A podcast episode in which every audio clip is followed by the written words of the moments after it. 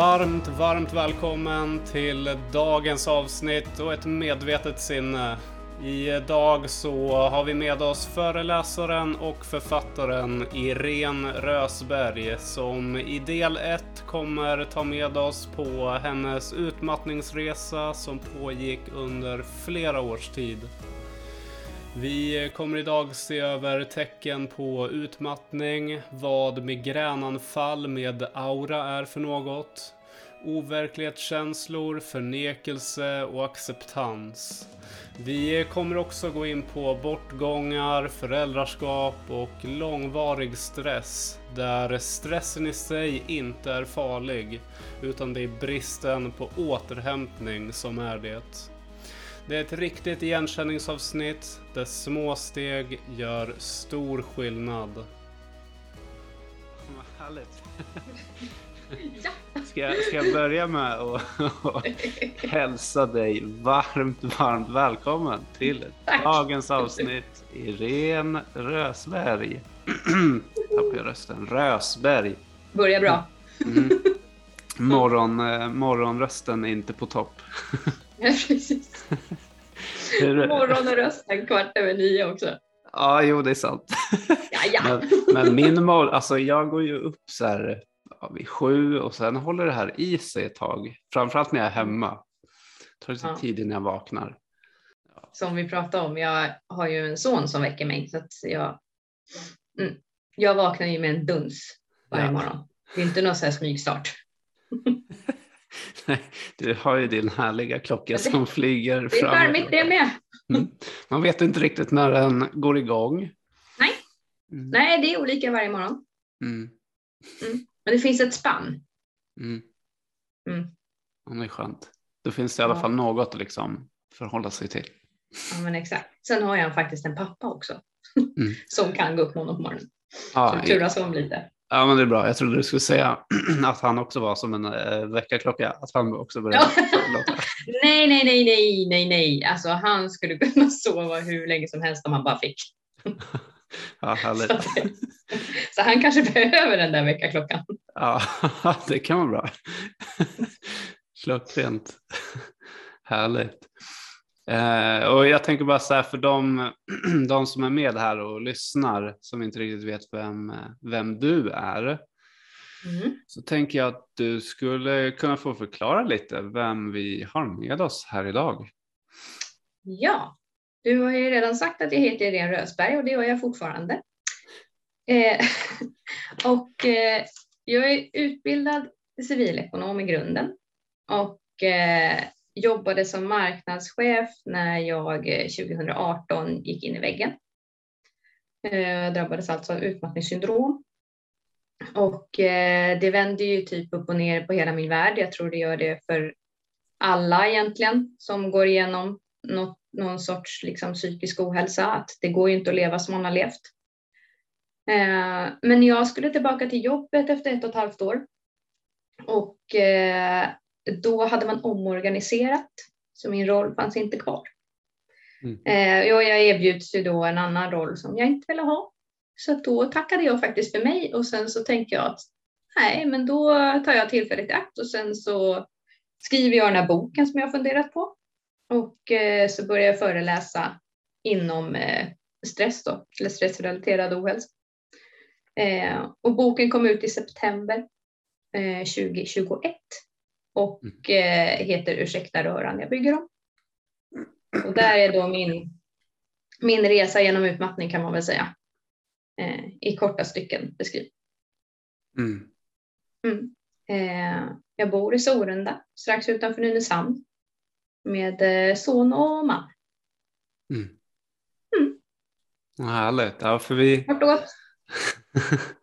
Men vi, för vi sa ju det att eh, vi är nästan grannar. Vi har ju Ja. väldigt nära till varandra. Jag bor ju i Södertälje. Mm. Vi är väldigt nära. Ja, men faktiskt. Det är ju det är liksom halvvägs om man tänker Nynäshamn och Södertälje. Mm. Så är ändå Sorunda är ju typ halvvägs till Södertälje därifrån. Ja, exakt. Jag vet inte vad Så det tar det till, vad kan det vara? En halvtimme? Halvtimme? Ja, Om man, om man springer fort? Ja, man får lägga benen på ryggen om man ska klara det på 30 minuter. Exakt, vi får prova. Men ge mig fyra månader så klarar jag det. Ja, eller hur? Vi möts i sommar. Ja, exakt. Vi kan ju mötas halvvägs då så behöver man bara springa en kvart. Ja, exakt. Ja, och jag fick ju faktiskt hem den här, din bok då, uh, Ursäkta röran, jag bygger om. Uh, jag fick ju hem den här om dagen och uh, jag sa ju det till dig här innan vi började spela in att jag har ju bläddrat igenom den uh, och det som var så enkelt med den var just att det är korta stycken, att man kunde slå upp vilken sida som helst och Mm. sen så kunde man börja och kände att det liksom, alltså det var så enkelt att börja vart som helst. Det tyckte jag var super, superbra. Mm, kul. Det var ju lite tanken att inte bara tänka på vad jag hade velat läsa när jag själv blev sjukskriven, utan också hur jag hade velat läsa det. Mm. Jag klarade, min hjärna var ju avstängd liksom. Jag kunde ju inte läsa en hel bok så där rakt upp och ner. Så då, eh, ja, men då valde jag att dela upp den så här. Och Mm. det, det har den fått mycket positiv kritik för. Så det var nog bra. Det var nog väldigt bra. Man Det- får- ju försöka vara lite så här jante. ja Det var visst, kanske lite bra. Ja. man får, vara ödmjuk och försiktig. Och, Mm. eller ödmjuk kanske inte ihop, men försiktig. Är ju jante. Mm, prestigelös. Trampa inte någon på tårna. Nej, precis. Ja. Mm. Ja, men jag tycker den är klockren. Det är som vi pratade om lite också så med att, för jag hade ju också, eh, alltså när jag var yngre, runt 20 år, så hade jag också en väldigt, eh, vad säger man, ja, men jag hade psykisk ohälsa. Så jag Mm. mådde ju väldigt dåligt och hade panikångestattacker och då, det är ju inte samma som utmattning, utmattningssyndrom, men jag tänker mig att det är väl i, i den delen så blir det också väldigt blurrigt, suddigt Mm. och Mm. man, man orkar inte ta in mer än korta stycken. Nej, Så jag tycker exakt. det är perfekt, perfekt upplagt för, eh, för din målgrupp också. Mm. Mm. Mm. Men, eh, ja, men jag håller med dig, för mycket psykisk ohälsa tänker jag kanske är ganska likt, alltså i grund och botten och vad man har för symptom och hur man hanterar det och kanske vad man får för känslor när man liksom inser att okej, jag har blivit sjuk. Mm. Men sen kanske behandlingen ser lite annorlunda ut. För jag tänker någon som är utmattad till exempel, eh, där är det energin som brister. Mm. Så att då vill man ju inte bli pushad att hänga med på saker för att man orkar ju inte det. Mm. Men när man är deprimerad och bara har liksom en, bara, men jag menar om man har en diagnos och det är depression, Mm. då kanske du behöver hjälp att bli lite pushad för att då är det sinnesstämningen som liksom har förändrats. Mm. Så att även om man kan känna lite lika, alltså för det, det är många deprimerade som jag känner igen mig i. Så jag tänker att det kanske är många deprimerade som känner igen sig i utmattning också. Mm. Men som sagt, att man behandlar de här personerna på olika sätt. Mm. Väl sagt. Jag håller med dig. Mm. Håller med dig. Det är verkligen så. Jag tänker för, för din del, för du sa det där 2018 så gick du in i en utmattning. Mm. Eh, och jag tänker bara där liksom innan du gick in i den här utmattningen så lär det ha funnits en del liksom signaler som liksom varnade dig. Eh, Ja. Skulle du kunna berätta lite om de delarna innan själva utmattningen kom till? Liksom? Mm. Jo, men absolut. Och sen är det här lite min så här, hobbyläkarteori. Eh, men som jag ser det så här efteråt så började egentligen mina symptom åtta år innan jag gick in i väggen. Eh, och det började med att jag blev förkyld. Jag blev förkyld hela tiden. Mitt immunförsvar var helt kajko. Alltså jag hann bara bli frisk från en förkylning, sen blev jag sjuk igen. Mm. Eh, och jag var sjuk så mycket att läkarna till slut valde att operera bort eh, halsmandlarna. Eh, och trodde att det skulle vara liksom lösningen på det här. Och det trodde jag med. Eh, men det hjälpte ju bara ett kort tag. Sen var ju de här förkylningarna tillbaka. Eh, och sen, eh, jag alltid, eller alltså sen jag var typ 15, har jag haft problem med migrän. Eh, och migränattackerna blev kanske lite, så att de kom lite oftare. Men egentligen var det väl alltså något år innan jag gick in i väggen, kanske till och med två, som läkarna började säga okej, okay, men nu hade jag eh, lite så ont i kroppen allmänt. Eh, jag var fortfarande jättesvag i immunförsvaret. Eh, jag hade ont i höften, kände mig som en 80-åring som bara inte kunde gå ordentligt. Eh, jag, kunde inte, jag kunde inte löpträna längre. Det fanns liksom inte på kartan. Eh, vad hade jag mer? Ja, men det var ju migränen. Eh, sen började jag få lite så där att jag, jag kände mig bara så allmänt trött. Mm. Jag körde min vecka så här måndag till fredag med jobb. Eh, och hittade ju alltid på saker efter jobbet. Jag var ju aldrig hemma. Och sen kom helgen och då skulle det vara party. Mm. Eh, så att jag hade då fredag och lördag natt på mig att ta igen. För att jag hade kört för hårt under veckan. Och det funkade med nöd och näppe. Ända tills jag eh, fick barn. För då kunde jag inte sova i fatt. Eh, och innan dess också, alltså i samma veva som jag blev gravid och redan var sådär på gränsen, eh, då slutade eh, vdn där jag jobbade eh, och eh, jag blev lite inofficiellt eh, tillförordnad vd så jag fick ju mycket mer arbetsuppgifter. Eh, samtidigt skolade jag in då en marknadsassistent. Eh, det var ju alltså när jag jobbade som marknadschef. Jag vet inte om jag sa det. Men då skolade jag in den här marknadsassistenten samtidigt. Eh, och eh, man blir ju inte pigg av att vara gravid direkt. Så att jag var ju svintrött. Mm. Eh, och så mår man ju illa i typ tre månader, två kanske. Eh, så att det var ju så här, börja morgonen med att ja, eh, lite så här eh, kräkas i tån. Eh, mm. och sen åker vi till jobbet. Vilken härlig morgon. ja, det är så mysigt. och så det där med att man är så här morgon illamående, det är skitsnack. Man mår liksom dåligt hela dagen. Ah, jag satt okay. och knapade så här Läkerol med någon lakritssmak typ för att bara försöka bara stilla det här äh, illamåendet. Ja. Det var mysigt. Eh, men under den hösten också eh, så flyttade vi. Eh, flyttade från en lägenhet söder om stan till en lägenhet i Solna då väster om stan. sen tyckte vi inte att det räckte där då, då så att jag blev också sjukskriven under graviditeten för att jag fick något problem med någon muskel i magen eh, som gjorde att jag inte kunde gå.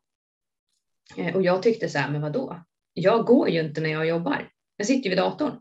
Mm. Så när läkaren sa att ja, men du blir sjukskriven på heltid och du blir det från och med idag. Jag bara, men varför det? Hon bara, ja, men hur ska du ta dig till och från jobbet tänkte du? Hur mm. ska du ta dig upp för att dricka ett glas vatten på jobbet? Hur ska du kunna ta dig ut på lunch? Jag sa, hmm, ja, hon kanske har en poäng. Det blir lite svårt. Men jag tänkte så här, ja, men jag kanske kan, eh, kan jag få åka taxi till jobbet? Alltså det fanns inte i min värld att man inte jobbar. Mm. Det var, jag vet inte, ja men då, eh, så där blev jag ju sjukskriven. Och i samband med det så blev min farmor väldigt sjuk. Eh, och gick sen eh, bort också. Och farmor för mig har varit som en extra mamma. Hon har varit så otroligt betydelsefull. Alltså, det, jag kan inte förklara med ord hur mycket hon har betytt för mig under liksom hela min uppväxt. Och hon har liksom gett mig saker som ingen annan faktiskt har gjort hon och jag bondade liksom på ett sätt som, ja, som jag aldrig har bondat med någon helt enkelt. Mm. Och hon går då bort, eh, alltså på min 30-årsdag så ringer min mamma och säger att nu är vi på väg in till sjukhuset, eh, de tror inte att farmor kommer överleva dagen. Och jag bara kände, det är inte sant. Mm. Ska hon dö på min 30-årsdag? Alltså, det, nej, det går inte. Eh, men det gjorde hon inte. Eh, och jag var så på spa och firade födelsedagen och ja, mm. kunde inte tänka på något annat såklart än att hon låg på dödsbädden. Mm. Men eh, två veckor senare ungefär, en, en två veckor senare, eh, då gick hon bort och jag var ju då höggravid. Eh, så att två månader senare föds ju min son. Och det enda jag kunde tänka var ju så här, farmor fick inte vara med. Mm. Det, var, det var så jäkla svåra känslor för att det var så mycket sorg på en nivå jag aldrig upplevt tidigare. Samtidigt så mycket glädje i att få sitt första barn.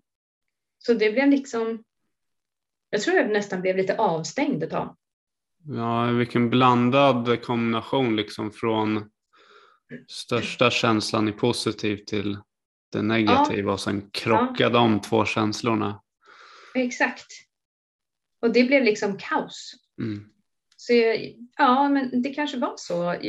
Jag vet faktiskt inte riktigt ens efteråt mm. eh, hur det var. Jag upplever att, att det var svårt med glädjen. Mm. Att sorgen tog över på något vis. Mm. Eh, och sen så, ja, sonen föddes ju med akut kejsarsnitt efter en jättelång förlossning, så där blev jag ju väldigt sänkt också rent fysiskt. Eh, och sen så kommer han då ut och har problem med magen. Så att vi fick ju liksom inte, ja, det blev inte så mycket sömn och eh, det blev väldigt, väldigt tufft på dagarna för han sov inte då heller. Mm.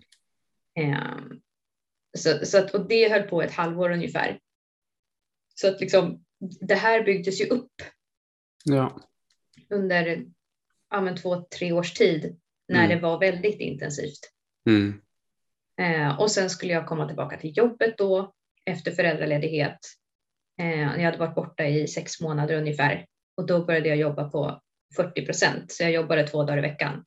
Mm, mm. Eh, och varken jag eller min chef förstod hur lite tid det egentligen är. Mm. Eh, så jag fick ju på mig liksom, här ska det lanseras tre nya produkter. Tror du att du kan göra det innan jul? Va? Ja, vi har inte lanserat en produkt på flera år, men eh, absolut, jag tar det. Mm. Var det här och var den delen, var det alltså innan du blev helt utmattad eller är det här mm. när du, det här är innan allting? Det här också. är också på väg till ah. utmattningen. Ja. Eh, så det gick ett halvår då när jag var tillbaka på jobbet, 40 procent. Och sen skulle jag upp på heltid. Mm. Och det var efter jul. Eh, och under julen då, då åker vi till Thailand och när vi kommer hem så klarar inte jag av att vända dygnet. För jag är så jäkla slut. Mm. Så att min son liksom som var, han var tio månader då. Eh, han har vänt dygnet. Men jag har inte gjort det, för jag har inte klarat det än. Så jag börjar liksom gå och lägga mig vid så här sju, åtta på kvällarna. Eh, sover som en tok alltså. Mm. Eh, eller ja, hur mycket man nu kan sova när man har en tio månaders, men så mycket jag kunde sov jag. Ja. Eh, och fick eh, också migränanfall. Eh, och migränanfall med aura som hade dykt upp under graviditeten. Eh, och det innebär att man får synbortfall, eller i mitt fall då så innebär det synbortfall, talbortfall. Eh, ja, och sen så då så kommer ju huvudvärken efter det, ungefär en halvtimme efter det. Mm. Så när jag är på jobbet då efter att vi har varit på den här Thailandsresan så märker jag att när min kollega rör handen så försvinner den i, liksom den hackar. Ah. Det är som att den buffrar. Ja. Och jag börjar känna så här, oj, det där var lite konstigt. Så jag tänkte, ah, fasiken, är det ett sånt där anfall på G kanske? Så jag säger bara, men vi, vi, vi pausar här, jag behöver bara hämta vatten. Så jag går och hämtar vatten, kommer tillbaka, märker att nej, nu ser jag ännu sämre. Eh, och då vet jag att nu är det några minuter kvar, sen försvinner talet. Eh, och då, jag kan prata, men jag kan prata så här, ett ord i taget. Typ. Jag kan inte bilda en mening för det, hjärnan kan det, ah, men ja. det går inte ut. Sjukt mm. frustrerande för jag vet vad jag ska säga. Men det blir bara så här, hej, hej, hej. Man bara, vad är det med mig? Alltså jag känner igen det, just det där som du säger nu. Mm. Jag satt på ett möte, det här var några år sedan.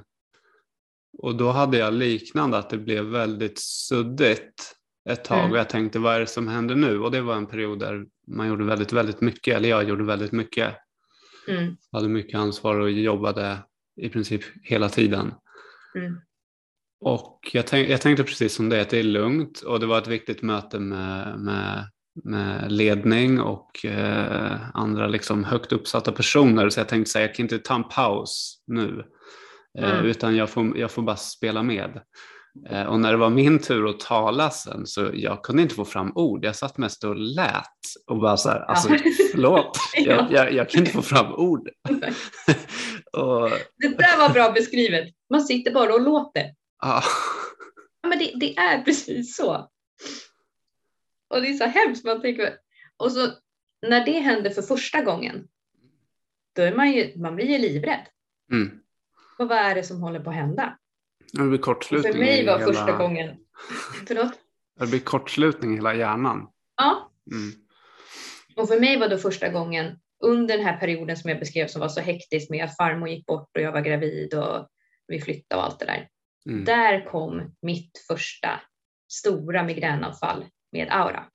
Mm. Och då vaknar jag upp mitt i natten och kan inte prata. Mm. Och det är ju så här, okej, eh, vad händer?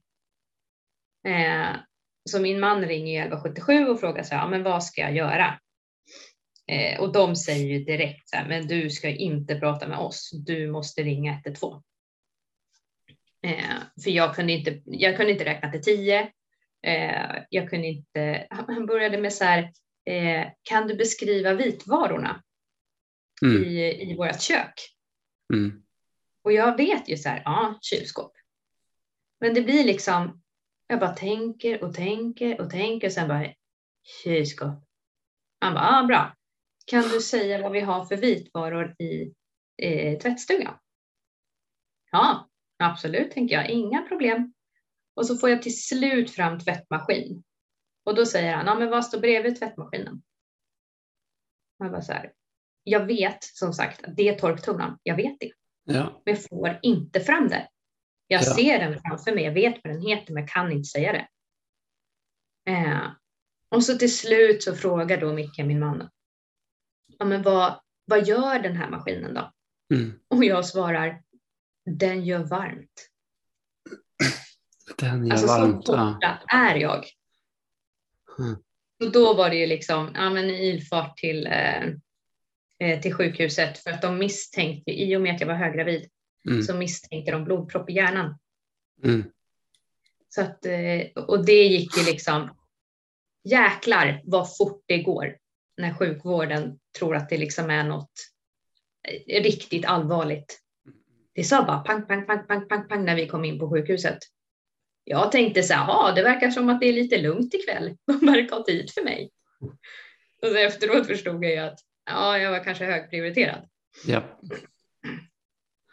Eh, Men, men det var liksom mitt första mi- Mm. migrän-aura-anfall. Sen blev jag ju jätterädd att jag skulle få tillbaka det, Ja. vilket gav mig ångest, vilket gav mig migrän. Mm. så det Mm. bara snurrar ju. Det bara fortsatte åt det andra, det, det negativa hållet. Exakt. Men det här migränanfallet jag fick när vi kom hem från Thailand, när jag ännu inte hade blivit sjukskriven. Mm. Eh, jag upplever att det migränanfallet slog ut någonting. För efter det, då orkade inte jag ta mig tillbaka. Då, då orkade inte jag bilda meningar längre. Då orkade jag inte, jag tappade ord. Mm. Eh, jag kunde glömma bort eh, vad jag döpt min son till. Jag Mm. liksom ligga på kvällen och bara, vad var det han hette? Är det Albin? Va? Nej, känns inte rätt. Anton kanske? Nej, känns inte heller rätt. Sen bara, ah just det, Arvid. Arvid var det. Eh, Wow. Då tänker man så här, man borde bli lite rädd och förstå att här borde jag sakta ner. Ja, exakt. Men jag visste inte att det här var symptom på stress. Mm. Jag hade ingen aning. Jag tänkte att det här är symptom på en neurologisk sjukdom, så den Mm. måste vi hitta.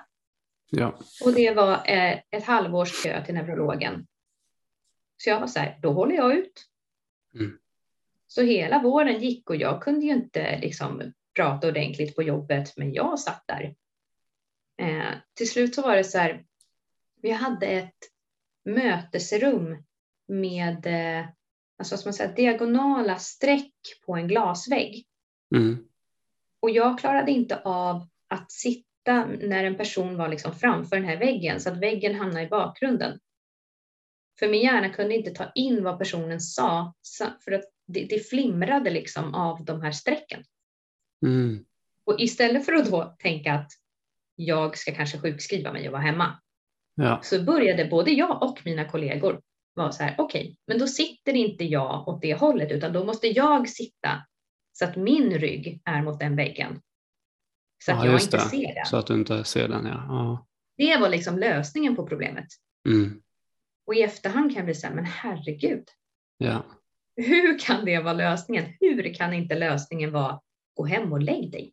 Ja. Eh, ja. men så jag jag fattar vad du menar. Ja, Det är ju, jag tänker bara för att så här, eh, just som du har gått igenom nu, om vi bara pausar lite grann där, så har du ju, det, i början som du beskriver så är det ju en, en muskulär spänning du har, verkar det som. Att du, du Mm. får ont i kroppen, du får migrän, Mm. blir förkyld, det är liksom kroppen reagerar. Mm. Mm. Och steg två låter som att det är liksom mental spänning, att du just så här, just hjärnan, talet kommer inte fram, synen försvinner, all, all koppling med hjärna och kropp liksom börjar tappas av. Och Mm. därefter så eh, blir det svårt att ta in information och ens ge information.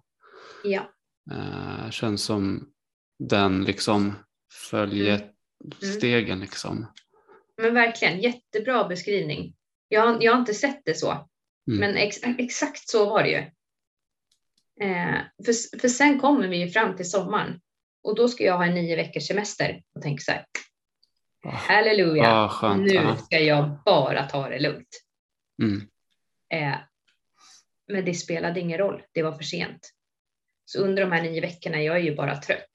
Och vi åker på semester hit och dit och det är liksom, ja, vi, vi tar vara på de här nio veckorna kan man säga. Eh, och sen kommer jag tillbaka till jobbet och då kommer allt det här tillbaka. Jag hade mycket spänningar i ansiktet också. Mm. Eh, det kommer tillbaka, overklighetskänslor, jättemycket problem med det. Eh, har jag fortfarande. Ehm, så att det kom tillbaka och blev jättestarkt. Och då Mm. frågade min chef mig, hur mår du? Eh, och då var jag så här, nej men jag måste ärligt säga att jag blivit lite sämre som jag kom tillbaka till jobbet. Och då gjorde han något som var så jäkla bra. Då började han måla upp på whiteboarden Mm. och så sa han så här, han ritade liksom först ett diagonalt streck eller vad man ska säga. Nej, det gjorde han inte. Vad fasken heter det? jag har så jäkla svårt för det här.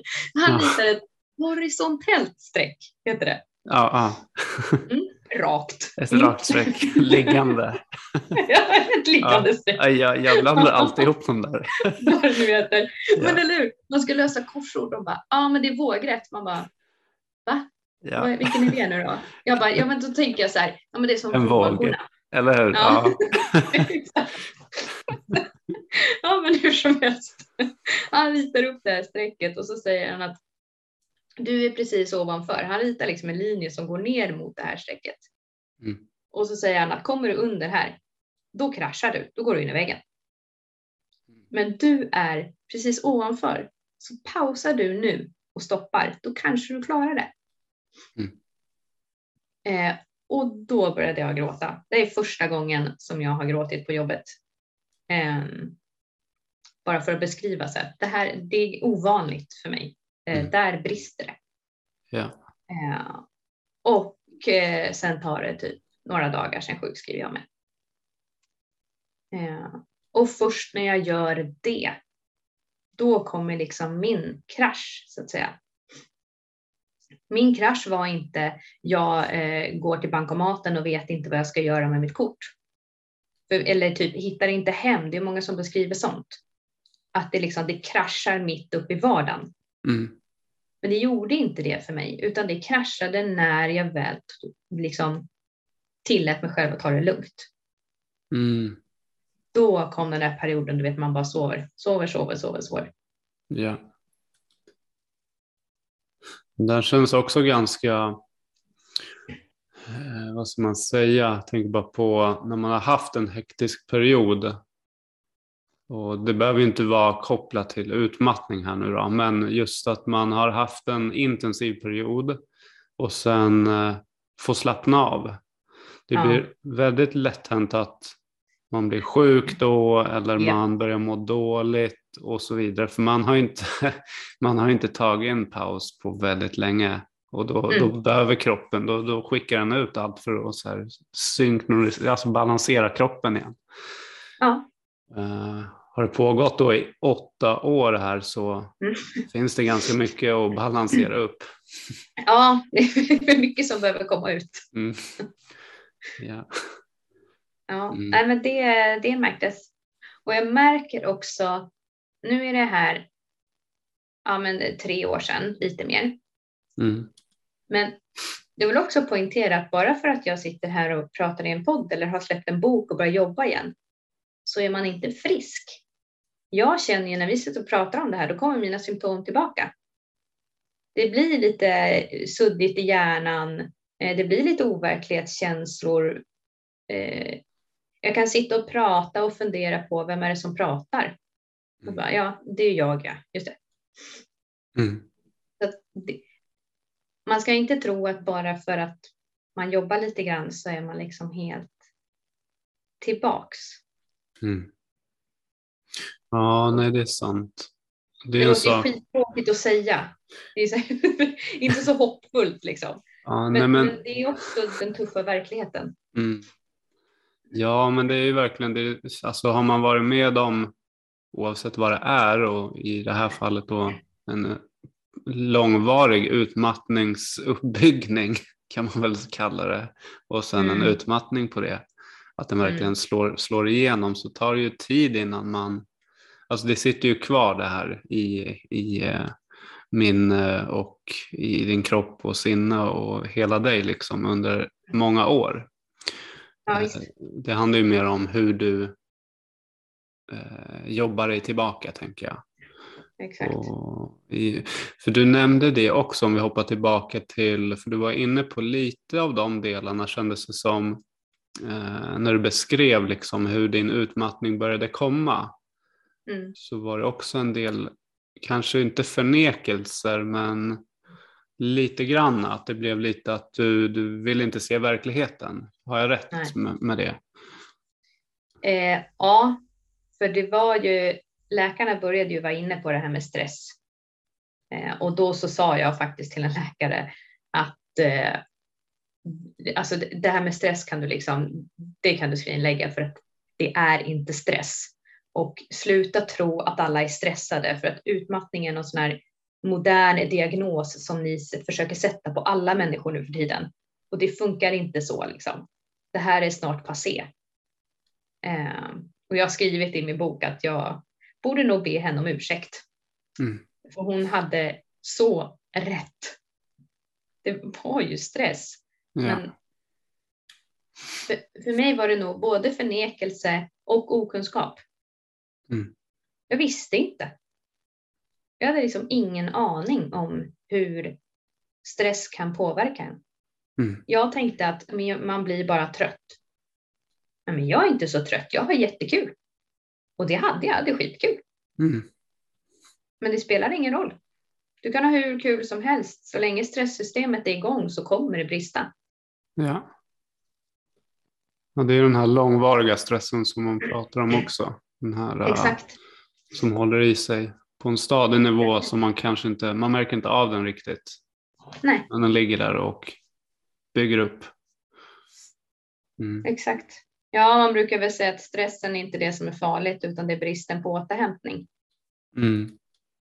Ja, det och det har ju varit väldigt tydligt för mig i efterhand att jag hade ju ingen återhämtning. Mm. Eh, Jag tyckte nog att återhämtning var att festa eller vara på middagar med vännerna eller och, och till viss del kan det ju vara det. Men man mm. kan ju inte göra det jämt. Då är det ingen återhämtning.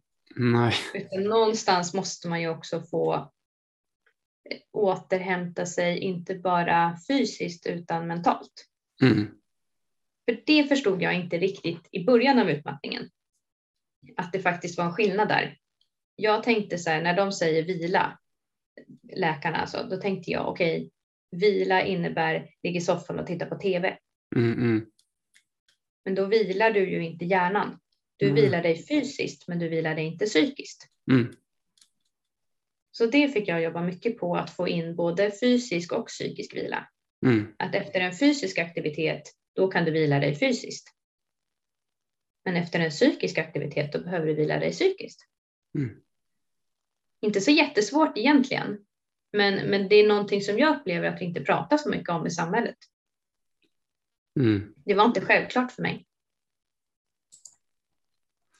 Nej, det är som du säger, det är väl inte så ofta man tar upp de delarna. Just som du säger, mm. man, man säger att du ska vila och då kopplar ju många det till, precis som du säger. Man kanske lägger sig i sängen och försöker sova, man kollar på ja. film, man kanske försöker läsa någon bok. Men, mm. men just att det är fysisk vila som man kopplar det till direkt, inte det mentala. Man Exakt. låter fortfarande hjärnan och sinnet jobba, liksom, det mentala. Mm. Eh, men det är den som behöver vilan i det, i det här fallet. Liksom. Mm. Mm. Mm. Och så pratar de ju, säger ju att tidigt så ska man försöka ta sig ut på promenader. Mm. Eh, och kommer man ut på en promenad i fem minuter så är det bättre än ingen promenad alls. Eh, eller bara som vi bodde ganska nära en sjö. Ja, men ta med dig en liten termos med te, gå ner och sätt dig vid sjön och sen gå hem igen. Ja. Bara så att man kommer ut. Och det är ju helt rätt. Det är ju bra mm. tänkt. Men om man då sitter med sin termos med te och tänker på vad man ska laga till middag eller fasiken, när ska jag egentligen bli frisk? Uh, undrar vad som händer på börsen idag? Alltså, då blir det ju inte, då blir det inte psykisk vila. Ja, det är sant. Att, ja. jag, jag, behövde mindfulness typ. Mm. Ja, för det, Vilka det... tänker kroppsdelar, ungefär ja. så. Ja men den är jättebra och där, jag tänker vi skulle kunna gå in på de delarna, just de här, liksom din väg tillbaka. Du är ju liksom som du själv var inne på, du jobbar en del men det är fortfarande, det ligger ju kvar. Men ja. vad, har, vad har du gjort för liksom förändringar i ditt liv sen liksom utmattningen kom till nu när du har fått lite mer insikt och kunskap och mm. skriver den här boken och, och mm. så vidare. Vad, vad har du där? Alltså det, det är så svårt tycker jag att följa sig själv i den här utvecklingen för att det är så små steg man tar. Eh, så det är, förstår mig rätt. Det är små steg som gör stor skillnad.